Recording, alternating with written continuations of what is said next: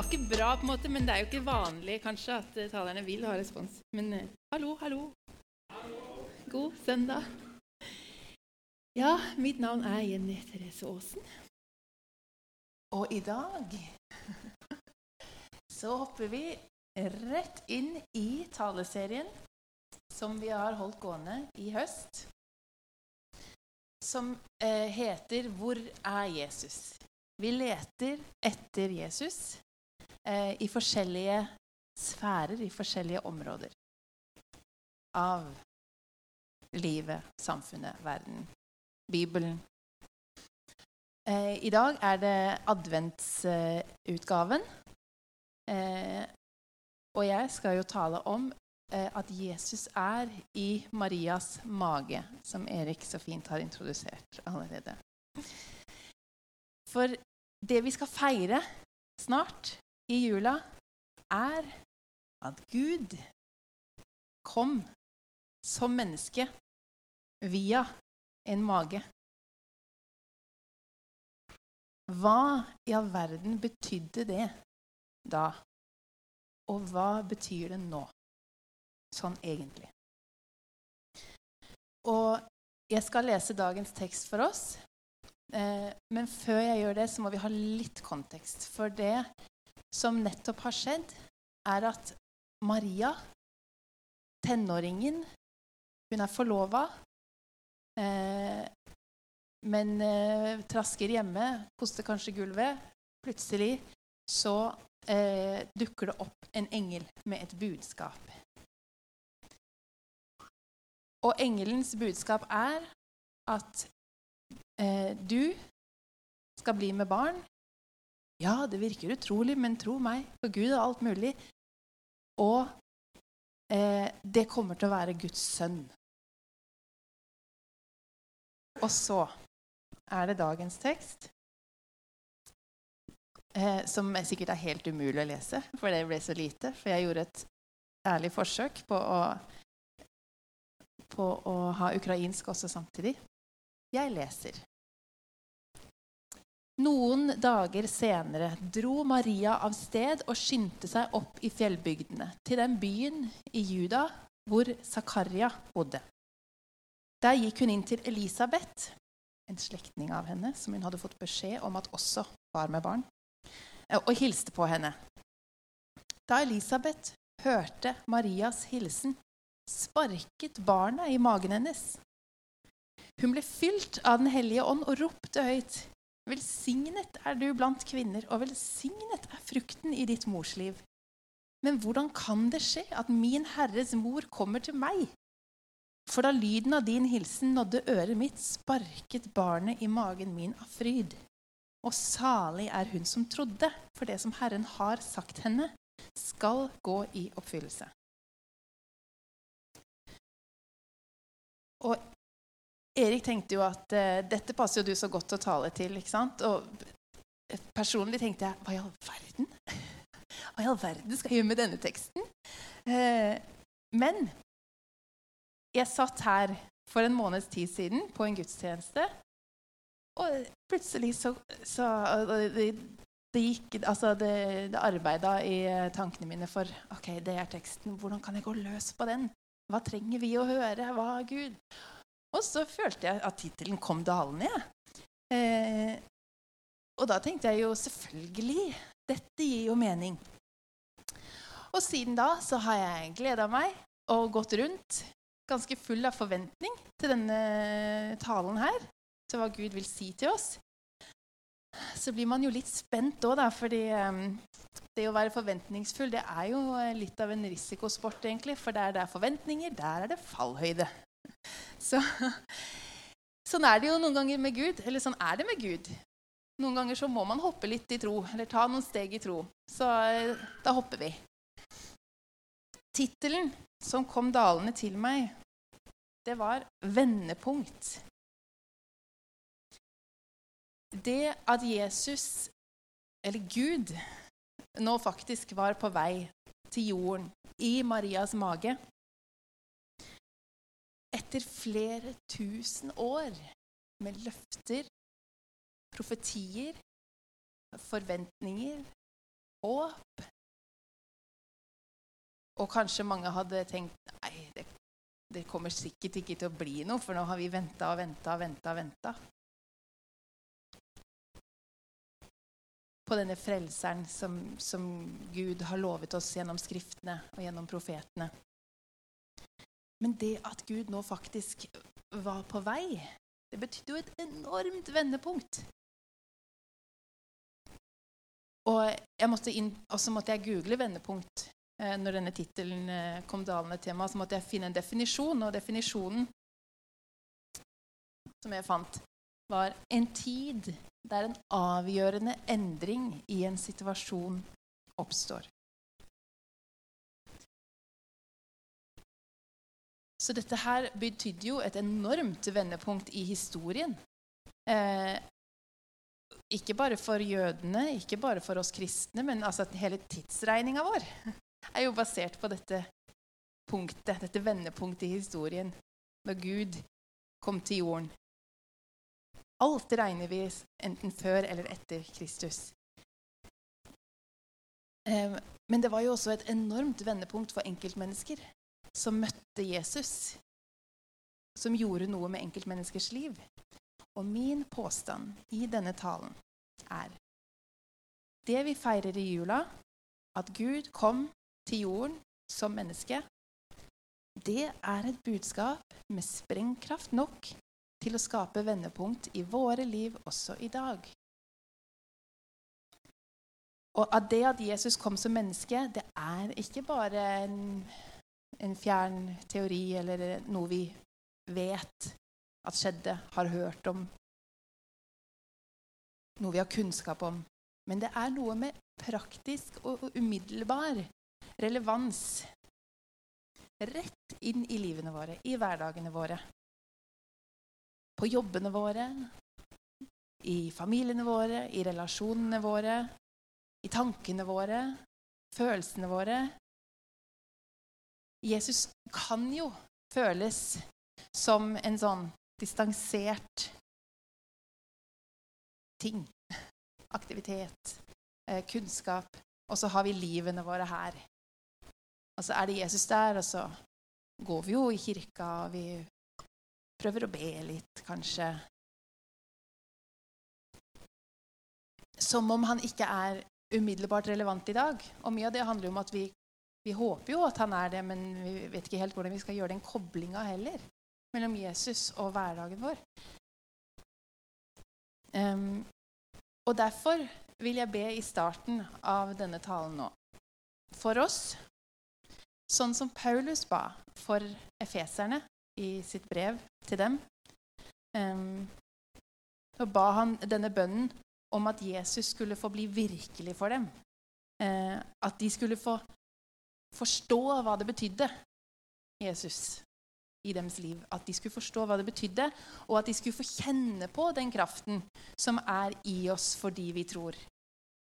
Og ikke bare ha det som en, som en kunnskap. Så da, da, starter jeg rett og slett, eller jeg avslutter denne innledningen med å be Pauls sin bønn over oss.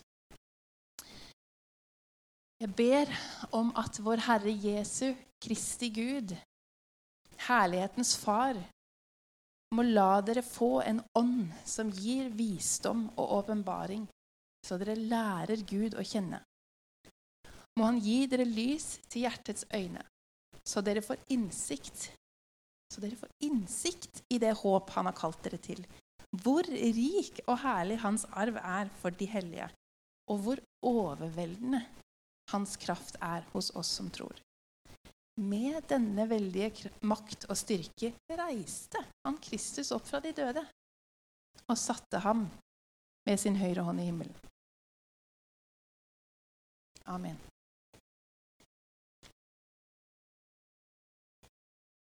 Så målet mitt med denne talen er å utfordre oss til å våge å tro på og våge å forvente at Jesus kan bringe vendepunkt inn i våre liv. Og jeg deler talen inn i tre punkter som seg hør og bør. Først gleder jeg meg til å ta oss litt inn i Lukas, inn i starten av Lukas. Inn i litt historisk kontekst, eh, litt bakgrunn. um, for å få med oss litt av uh, Altså for å sette dagens tema inn i en sammenheng. Og deretter vil jeg se på hvordan Jesu komme da brakte vendepunkt inn i mange menneskers liv. Og eh, at det hadde kraft i seg til at liksom, disse menneskene som kom i berøring bare med Maria sin mage, eller Jesus som en bitte liten baby, sant? at det hadde faktisk kraft i seg til å bringe vendepunkt. Og så til slutt så vil jeg se på hvordan Jesu komme har kraft i seg også i dag til å bringe vendepunkt til enkeltmennesker og til oss. Før Gud ble menneske og kom til jorda via Maria sin mage, så var avstanden mellom mennesker og Gud den var enorm.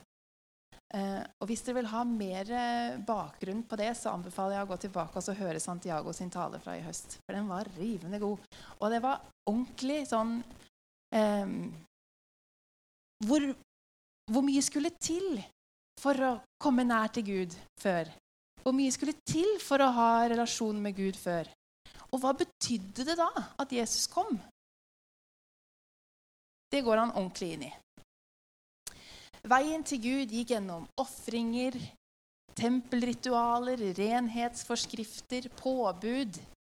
Det at Gud ble menneske, det at Jesus kom, og døde på korset, det fjerna alle disse hindringene.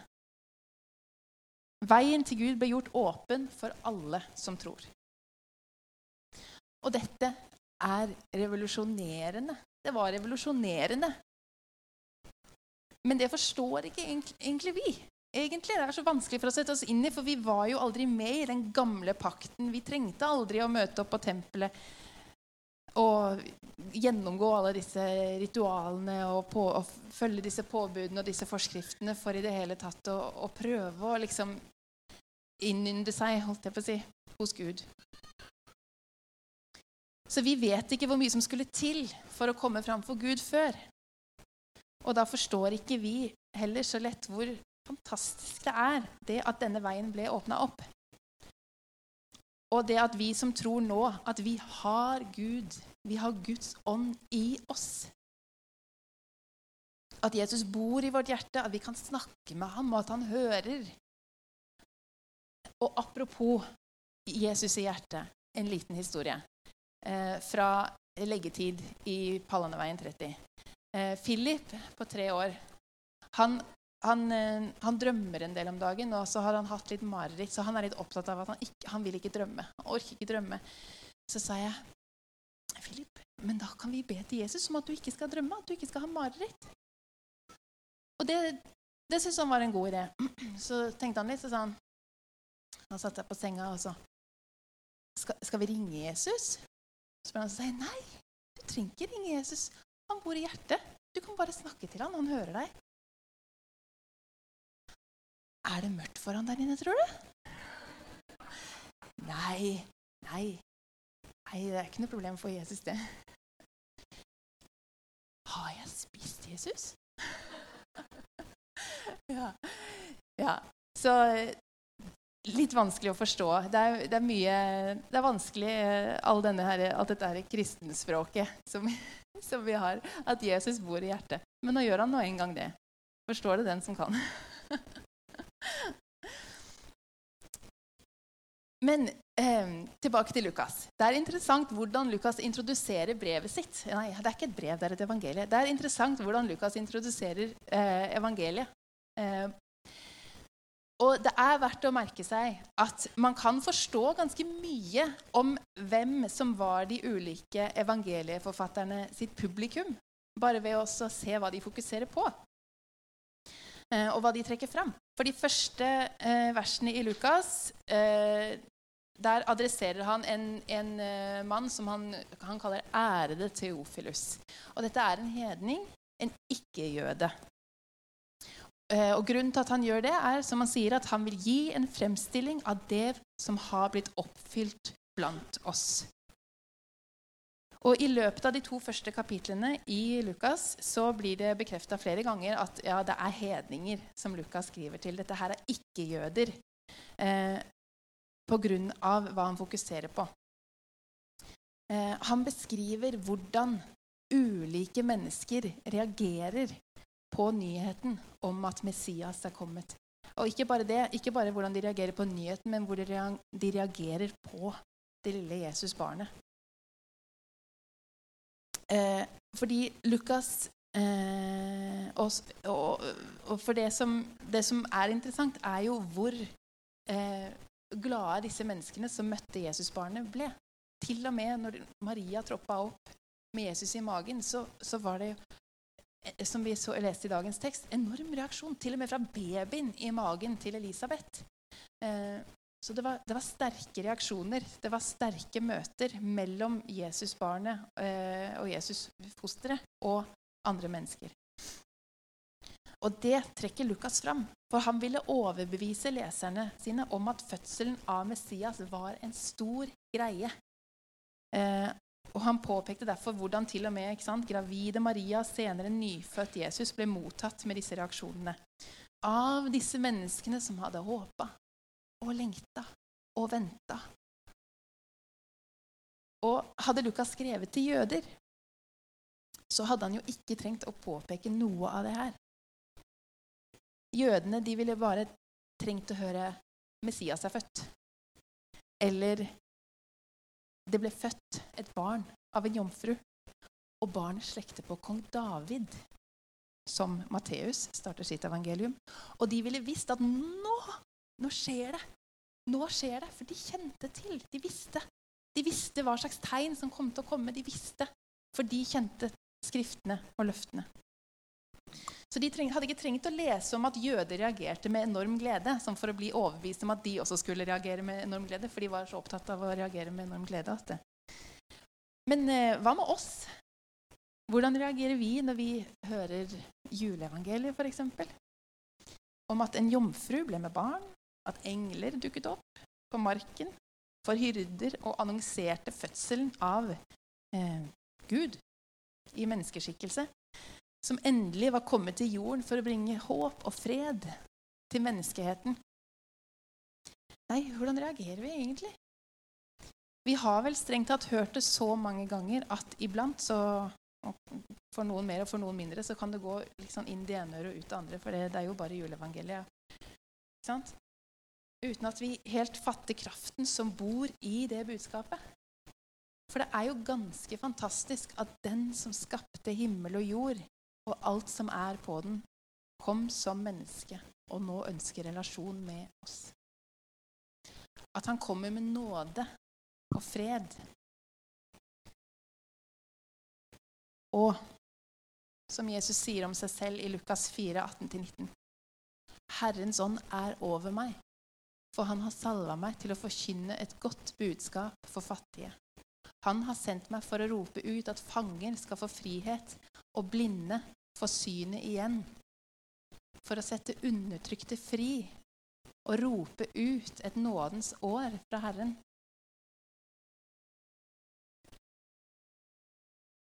Og de siste årene så har jeg begynt å gjøre et poeng ut av, og det anbefaler jeg, det er sikkert mange som gjør det allerede, av å faktisk lytte til tekstene på julesangene vi synger. Har dere prøvd det?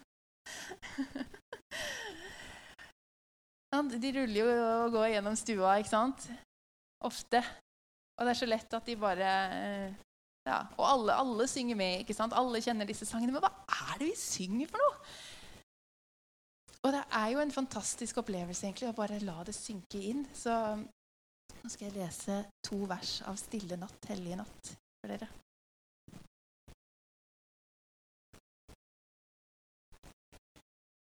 Stille natt, hellige natt. Barnet er vår største skatt. Hyrder vekkes av gåtefull klang. Natten fylles av englenes sang. Kristus, vår frelser, er født. Stille natt, hellige natt. Aldri ble vår jord forlatt. Himmelen smiler fra barnets munn. Kommer nær i en frelsende stund vier Guds fremtid til vår.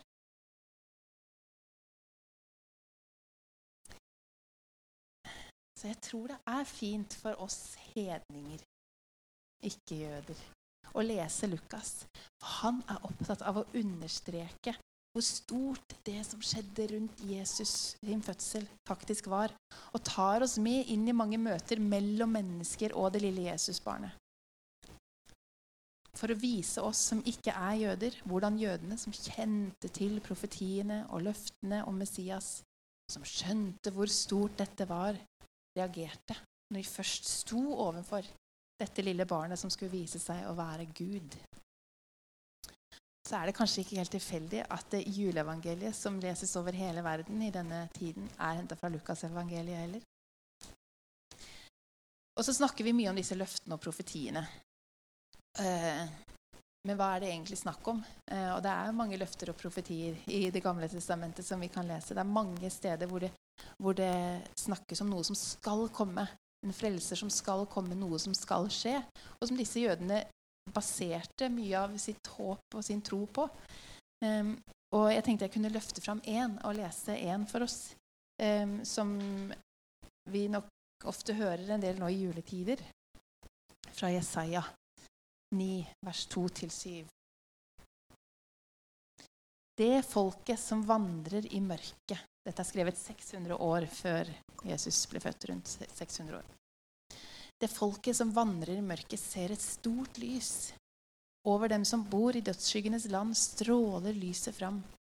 Du lot dem juble høyt og gjorde gleden stor. De gledet seg for ditt ansikt, som man gleder seg over kornhøsten, som man jubler når krigsbyttet deles. For et barn er oss født. En sønn er oss gitt.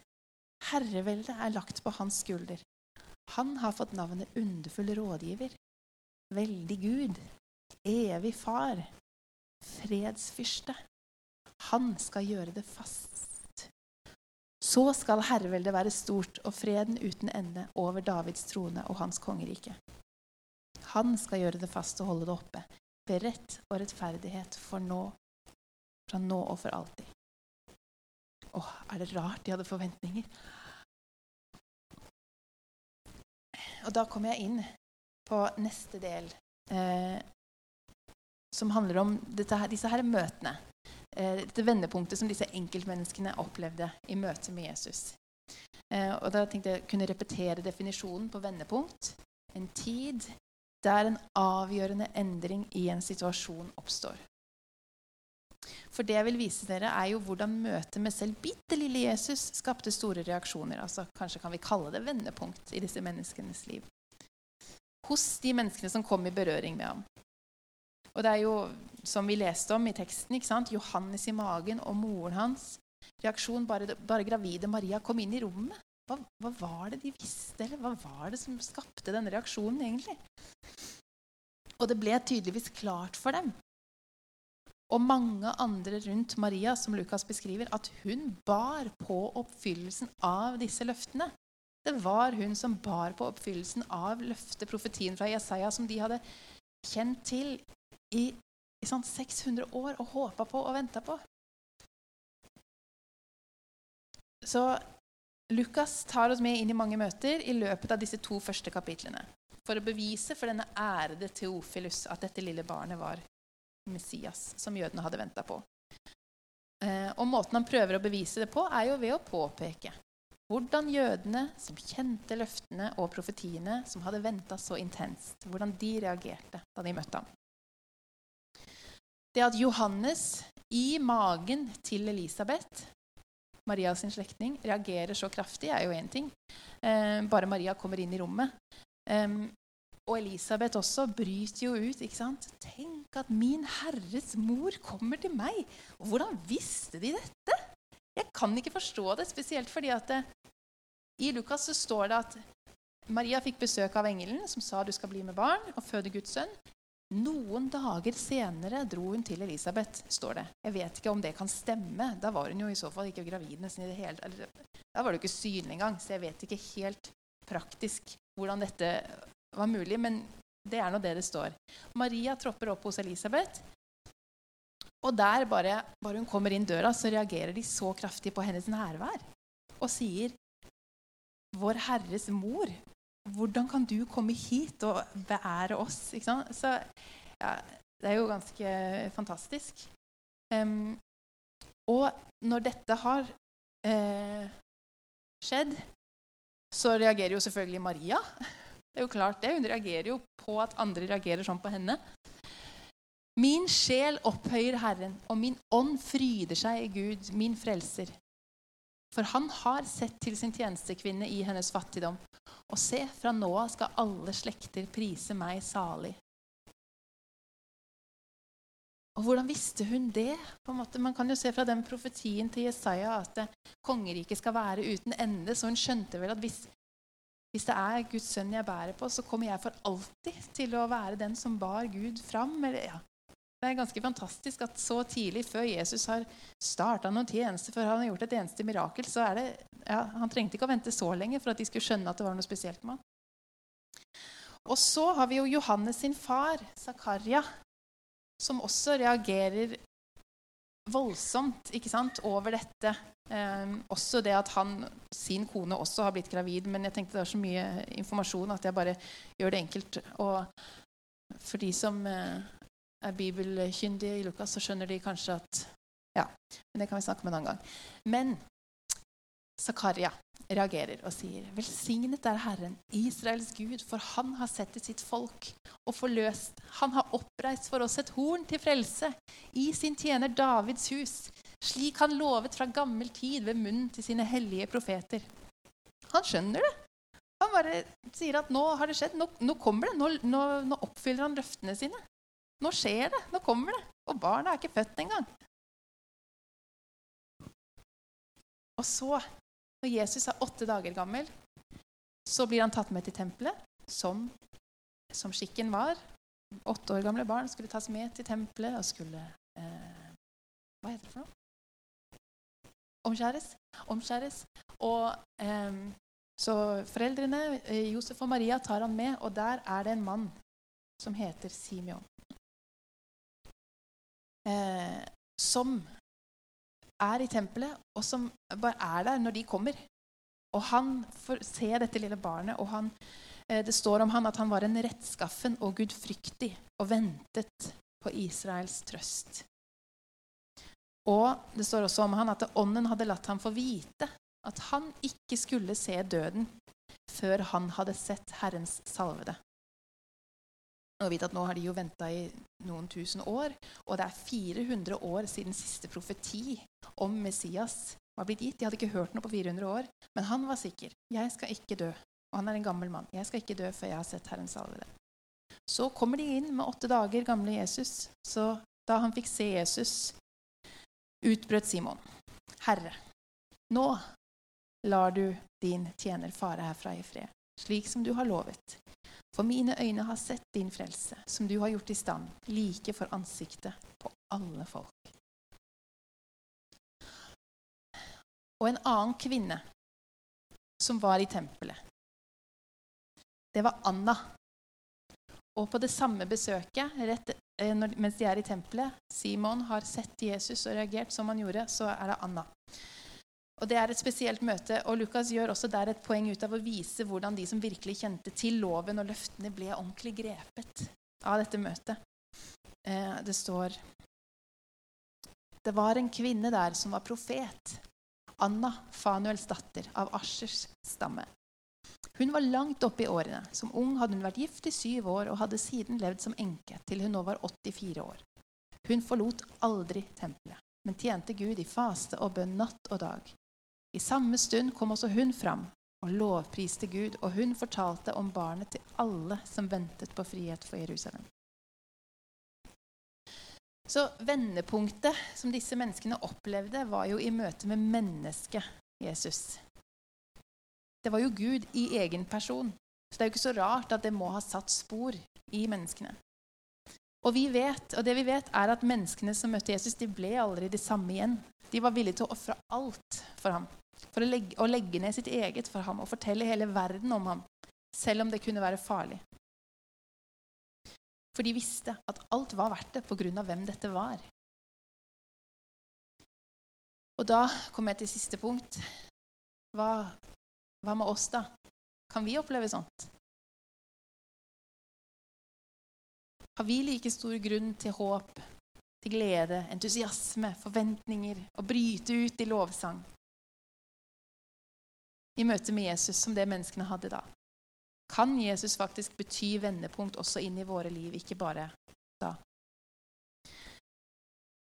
Vi vet jo at mennesker som møtte Jesus da han gikk rundt på jorda, de kunne jo få forvandlede liv bare ved å ta på kappefliken hans.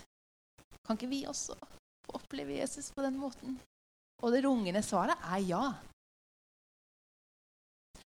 Og da mener jeg ikke nødvendigvis at omstendighetene våre vil endres så dramatisk.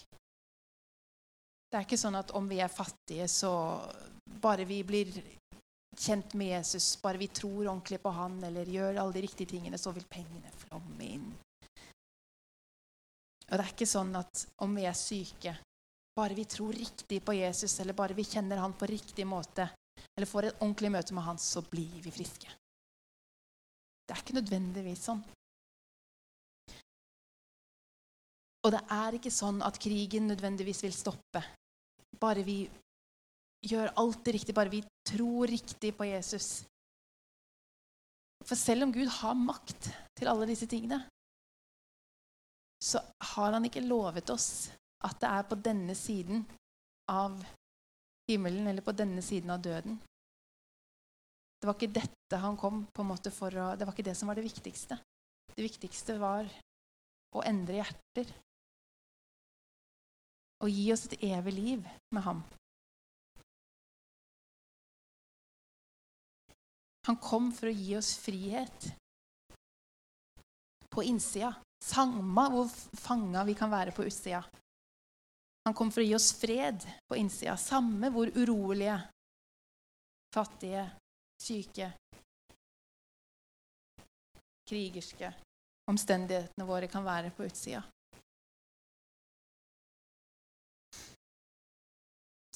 Men selv om det rungende svaret på spørsmålet om Jesus kan bety like mye for oss i dag som han gjorde da, selv om det rungende svaret er ja, så vet jo både jeg og sikkert mange her at Jesus ofte kan føles uendelig fjern.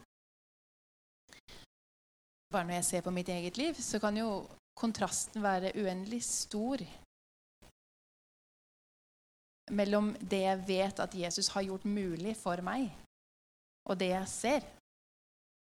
Det som er meg, på en måte. For jeg har kunnskap om at jeg er ubetinga elska, om at jeg er verdifull. Men i sannhet så er jeg jo full av menneskefrykt og usikkerhet. Og jeg har kunnskap om at Jesus kom, meg, kom for å fri meg fra det jeg er bundet av. Men i sannhet så er jeg jo fremdeles veldig bundet av opplevelser fra oppveksten, prega av ting som har vært vanskelig. Og jeg er sikker på at mange her har kjent på Jesu kraft til å forvandle livene våre. Og Gud vet at jeg har kjent på den kraften selv. Og det er jo definitivt derfor det er det, på grunn av det at jeg står her, uten tvil. Men så tipper jeg at det er noen her som kanskje kjenner Jesus mest som krav og press som ikke har opplevd at troen kan være noe mer enn en tradisjon eller en søndagsaktivitet.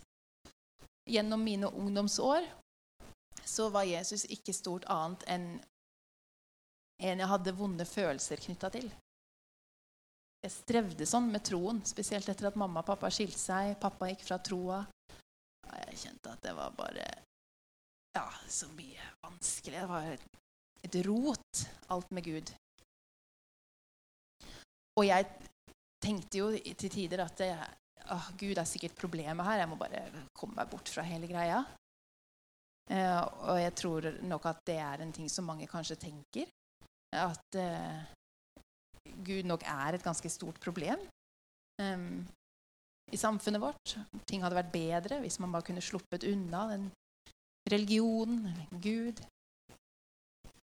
Um, men jeg skjønte takk Gud, på et tidspunkt at her var det jo tankene mine om Jesus, assosiasjonene mine til Jesus, til kirka, til kristne mennesker. Det var jo egentlig en stor del av problemet.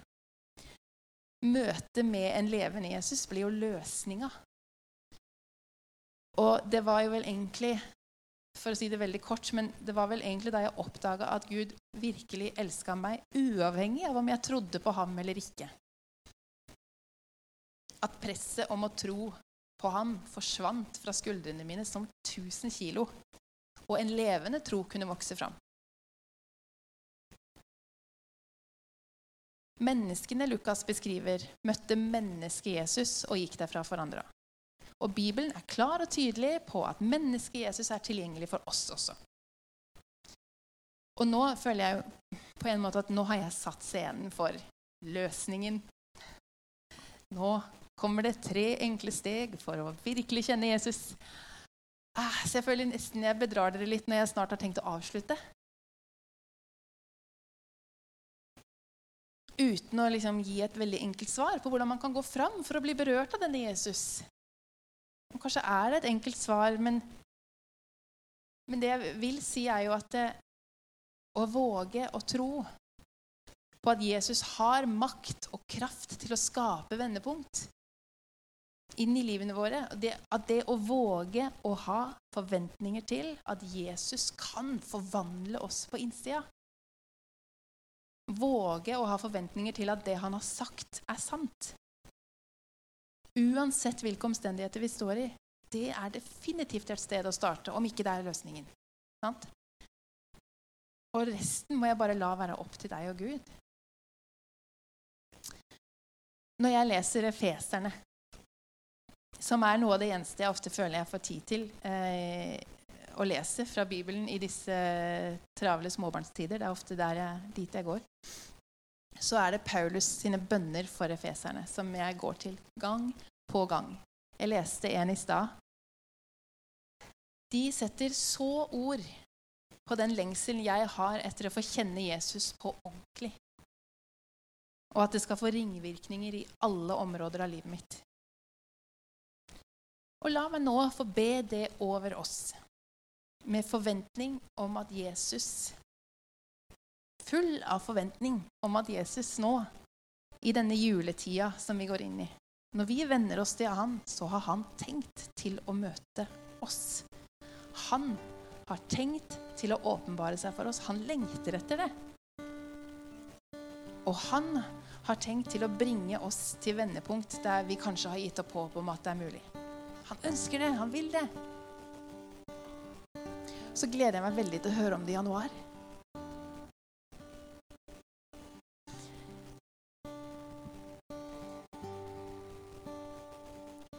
Derfor bøyer jeg mine knær for Far, Han som har gitt navn til alt som kalles Far i himmel og på jord. Må Han som er så rik på herlighet, gi deres indre menneske kraft og styrke ved sin ånd. Må Kristus ved troen bo i deres hjerter, og dere stå rotfesta og grunnfesta i kjærlighet. Må dere sammen med alle de hellige bli i stand til å fatte bredden og lengden og høyden og dybden. Ja, kjenne hele Kristi kjærlighet, som overgår all kunnskap må dere bli fylt av hele Guds fylde. Han som virker i oss med sin kraft og kan gjøre uendelig mye mer enn det vi ber om og forstår. Ham være ære i Kirken og i Kristus Jesus gjennom alle slekter og i evigheter. Amen.